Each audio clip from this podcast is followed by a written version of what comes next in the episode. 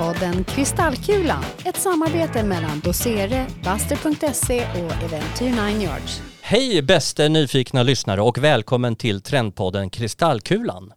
Vi är nu inne på säsong tre, hör och häpna. Eh, det här är ju podden där vi ser runt hörn, där vi analyserar samtiden för att förstå framtiden. Det vill säga, vad döljer sig här just nu som formar den värld vi alla ska leva i imorgon och dagen efter imorgon. Vi har en eh, lite ny eh, besättning i studion. Jag heter Bobo Wekenstam, har varit med förr men jag har lite mer moderatorroll och spanarroll. Sen har vi Jörgen Ramnelöv, du har också varit med tidigare. Du är innehållsansvarig på Buster. Vad ja, gör du det mer? är jättehärligt att vara tillbaka. Jag har längtat. Vad gör du mer än eh, Nej, men jag jobbar Bast- på Dosere och eh, analyserar omvärld och framtid hela dagarna. Underbart? Ja, Och eh, ny i studion är Diana Uppman som har jobbat på Doser en gång i tiden och eh, har ägnat minst 15-20 år åt att faktiskt spana på framtiden också. Tack så mycket att jag får komma in runt hörnet. Eh, 25 år har det blivit. 25 år till och med. Omvärldsanalys. Varmt välkommen! Tack så mycket. Vi har eh, ett antal spaningar som vi ska gå igenom idag och hela idén är ju att ni som nyfikna lyssnare ska få en liten bild av vad som döljer sig i vår framtid. Vilka trender och tendenser ser vi just nu som kan ha betydelse för dig eller din organisation eller ditt företag? Eh, och ehm, eh, vi kommer att dela in programmet i tre olika spaningar. Eh, den första spaningen som handlar om vad som händer med våra städer kommer Diana att briefa oss om och sen ska vi diskutera vad det kan ha för betydelse. Vi har ju sett städer som förändras, butiker som läggs ner och fler jobbar hemifrån. Vad är egentligen på gång? Hur ser framtidens stad ut? Diana? Vilken öppning. Eh, men jag har en liten spaning. Mhm. Och min spaning är att vissa städer kommer att dö. Troligtvis kommer det vara ganska stora städer som dör. Jag tror inte att alla kommer att flytta ifrån städerna men jag tror att vissa städer kommer att förlora sitt syfte. När inte handeln är liksom det sammanbindande kittet. Och kanske kommer vi se en framväxt av helt nya städer som ser helt nya ut. Eller så kommer vi se äldre städer som blir nästan lite sin egen Las Vegas. Det vill säga en nöjesstad. ja, jag kan tro ändå att Stockholm kan bli det nya Las Vegas. Fast Jörg- lite mer spännande. Jörgen gillar ju Las. Vegas. ja i och för sig, men det räcker med ett i världen. Men du tänker att eh, man profilerar städer mer än tidigare då? Man kommer profilera städer mycket, mycket mer. Så att Stockholm kanske blir den vattenburna, vackra, historiska staden som man vill visa upp. Men man kommer göra det i en kostym där jag tror man kommer använda sig av digitaliseringen också som kommer att förstärka den här upplevelsen. Så att man kommer åka till staden för att lära sig dess kulturhistoria och sen åker man från den staden. Men om man då tänker de här tomma butikslokalerna som idag har, vad var det, eh, renovering pågår. Mm. Vad är det i dem? Spellokaler. Spelautomater? Lite manikyr kan vi också ha. ja. Men det, jag tror att det är sånt som hänger ihop. Jag provocerar förstår du väl. Ja, förstår. Nej men i sin ytterlighet så tror jag liksom att om man drar hela trenden, vad är det? Alltså någonting nytt kommer ju hända. Det kommer ju vara ett nytt shit som inte är längre handeln. Och det kommer heller inte finnas så mycket kontor kvar i staden och då är ju frågan vad är det nya shitet?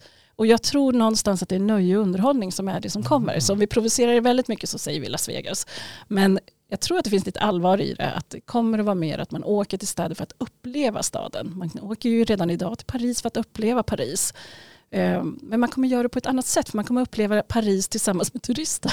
På ett sätt kan man ju tycka att det är roligare med upplevelse i de här butikslådorna än att det är klädbutiker i varenda hörn. Mm. Det är ju jätteintressant om man kommer på nya saker. Ja, ett nytt shit. Ett nytt shit. Yes, nästa ämne är någonting som vi kallar för metaverse. Vi har ju tidigare i podden pratat om virtuella verkligheter och virtual reality som det kallas på engelska. Men vi ska ta ett steg eh, ytterligare och prata om det som en hel del pratar om, nämligen metaverse, som inte alla vet vad det är för någonting. Det är ju en digital värld, en digital virtuell värld där man kan umgås, där man kan shoppa, där man kan göra alla tänkbara saker som vi kan göra i verkligheten också. Eh, och eh, den här spaningen handlar om att det här är på gång. Det här ligger kanske lite framåt i tiden men inte, inte väsentligen. Vi tror att det är jätteviktigt för er lyssnare att förstå vad det här är och inte minst om ni jobbar i ett företag eller en organisation som behöver förbereda er. Vi ser till exempel Piteå kommun som har börjat utbildning i metaverse där man har delat ut eh, sådana här headset till personalen som då får gå utbildningar genom att eh, gå in i den här virtuella verkligheten. Vi ser Kronans Apotek har öppnat en butik i en virtuell värld som heter Metablocks. Eh, vi ser Manchester City som är det första Premier League-klubben, eh, eller den första Premier, eh, Premier League-klubben som finns i Metaverse. Ett samarbete med Sony. Det är en ganska tung satsning där man ska kunna få uppleva fotbollsmatcherna med ytterligare information. Och till och med den sydkoreanska huvudstaden Seoul har nu planer på att bli den första storstadsregionen i Metaverse. Vad säger ni om det? Ja, men det, jag tycker det, det är otroligt spännande utveckling. Eh, och eh, intressant att det fortfarande på något vis är bara början. Ändå så ser vi de här liksom, förhållandevis stora aktörerna som ändå agerar och eh, försöker hitta sin väg här. Eh, sen finns det fortfarande väldigt mycket utmaningar som vi kan prata om eh, när det gäller eh, de exempel som du nämner så är ju de liksom helt utspridda. Det är liksom inte ett enda ställe, det är inte liksom internet utan det är liksom några är på den plattformen och några är på en annan plattform. Och mm.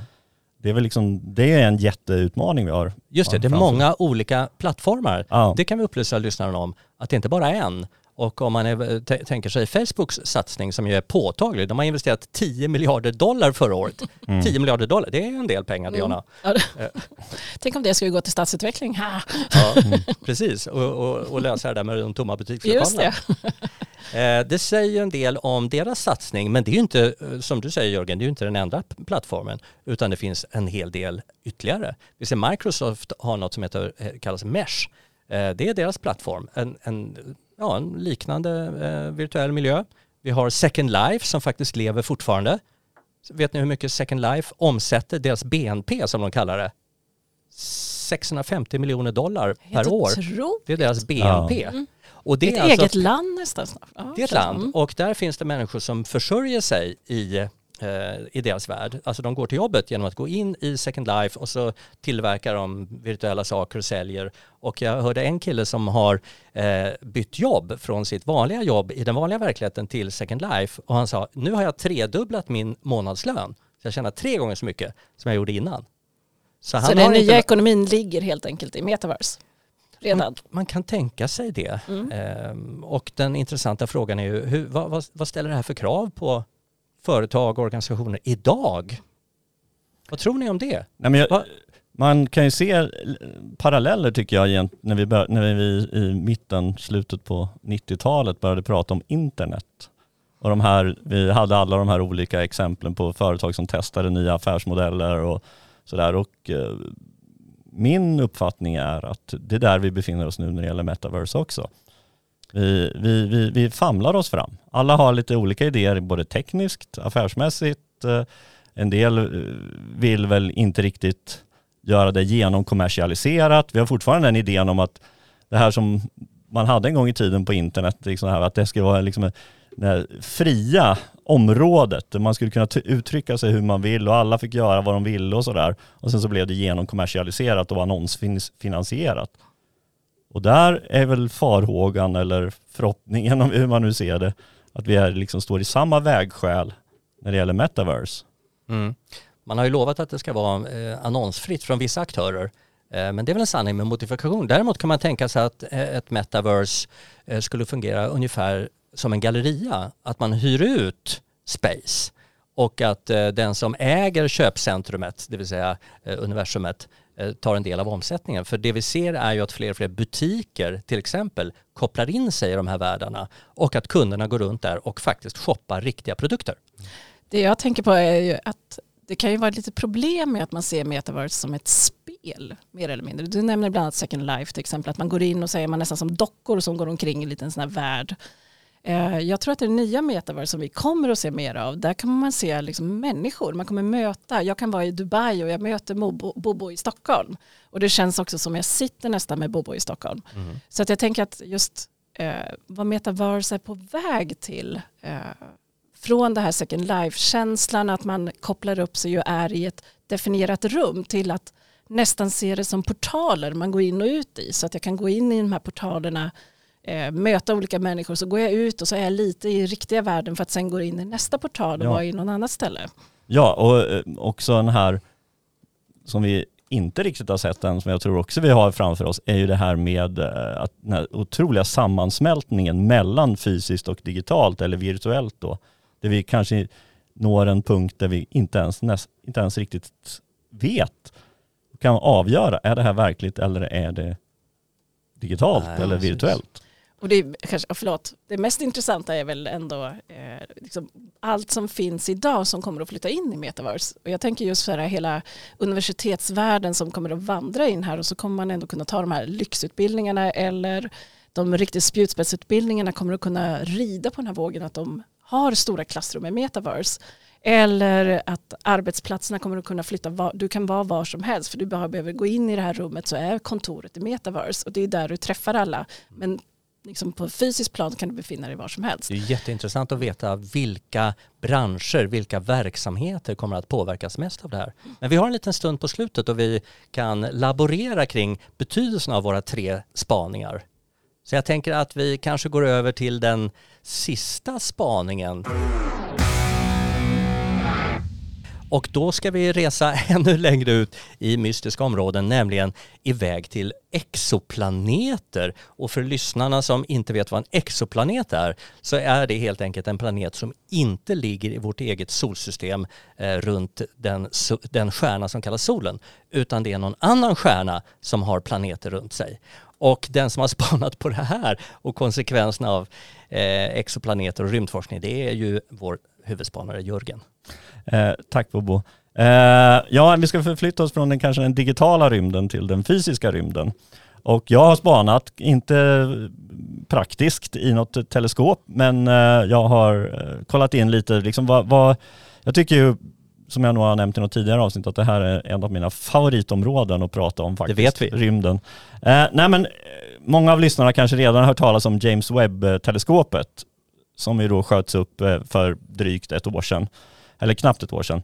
Och eh, som nu då har börjat leverera olika typer av bilder från det universum som vi anade fanns där, men kanske aldrig riktigt har sett, och bland annat då exoplaneter.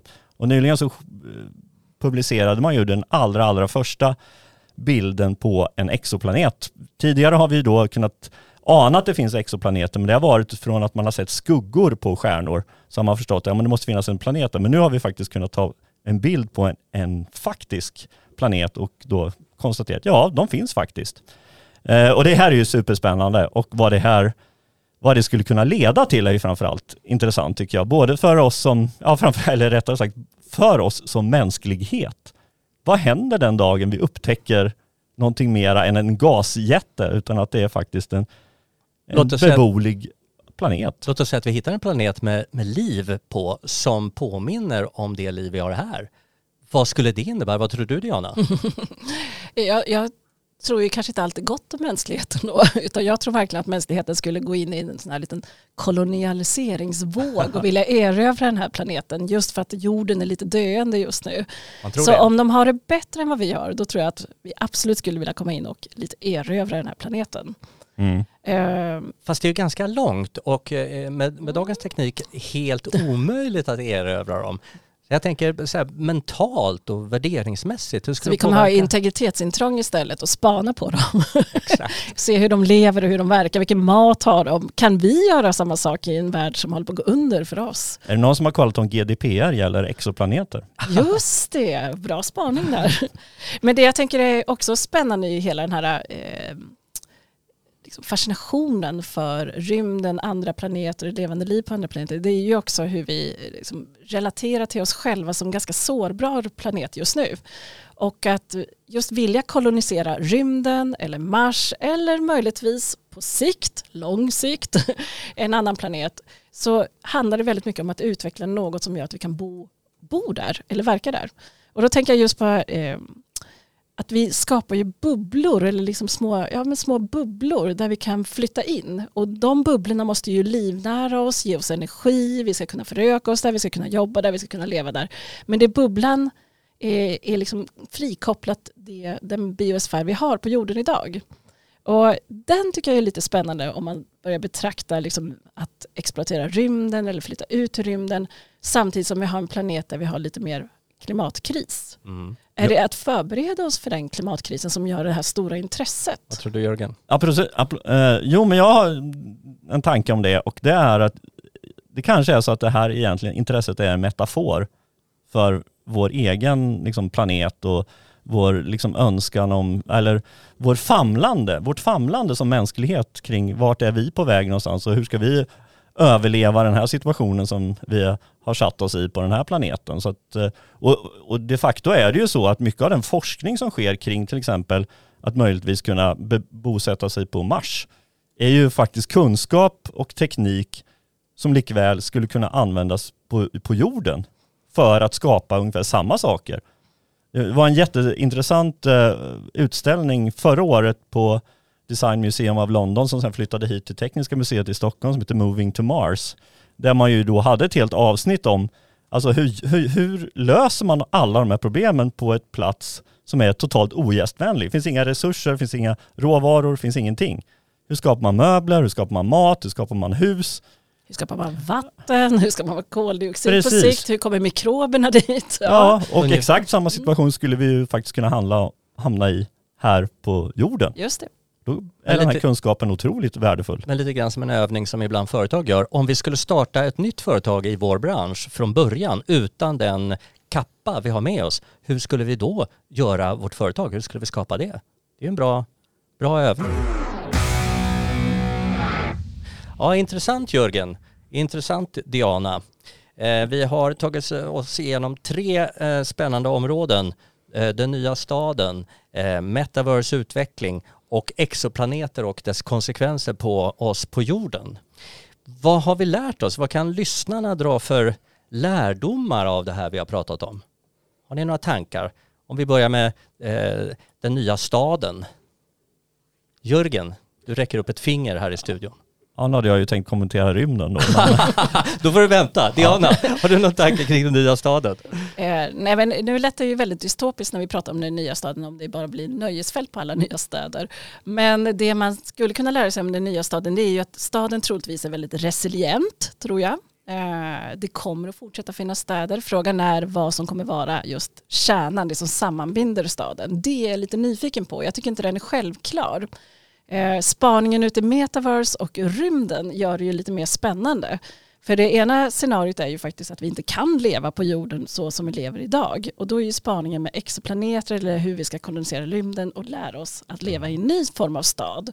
Eh, metaverse förstärker ju tror jag den staden vi lever i och kommer bygga nya städer fast i virtuella världar. Och kanske komplettera den stad vi lever i. Jag tror absolut komplettera, jag, precis som jag tror. Jag tror att vi kommer att gå in och ut genom portaler Ja, en, framåt i en tiden. del använder begreppet Omni Mm. eh, som ju är känt från liksom Omni-channels när man ska handla. Så kan man göra det både på e- e-handeln och i verkliga butiken. Och det här blir Omni-staden då. Den kan man eh, eh, ta till sig både fysiskt och virtuellt.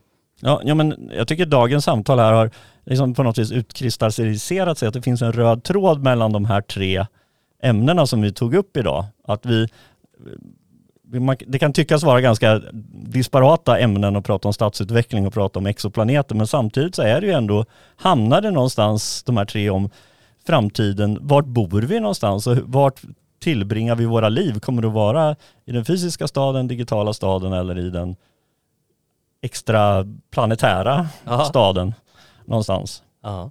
Jag, jag har ett tips till er lyssnare eh, som jag själv levde upp till för ett tag sedan och det är ju att skaffa ett VR-headset. Om man går in på närmsta Elgiganten eller Mediamarkt så köper man sig ett Meta Quest 2. Eller two kanske man säger. Eh, det kostar en 5000 ungefär. Det är värt det. Man kommer in i, den här, i de här världarna och man får en känsla för vad det är. Och när man får det så tror jag att någonting händer. Man, vaknar till och ser, ja men okej det är lite barnsligt fortfarande på vissa plan. Bara att sitta med ett headset kan ju få resten av familjen undra vad man, vad man pysslar med. Men, men det ger ett mindset som, som är intressant. Så det är mitt tips. Mm. Jag har ett lite billigare tips. Jag tycker man ska gå till biblioteket om man inte har råd med de här glasögonen. Då går man helt enkelt till ett stadsbibliotek, det som finns fortfarande i staden.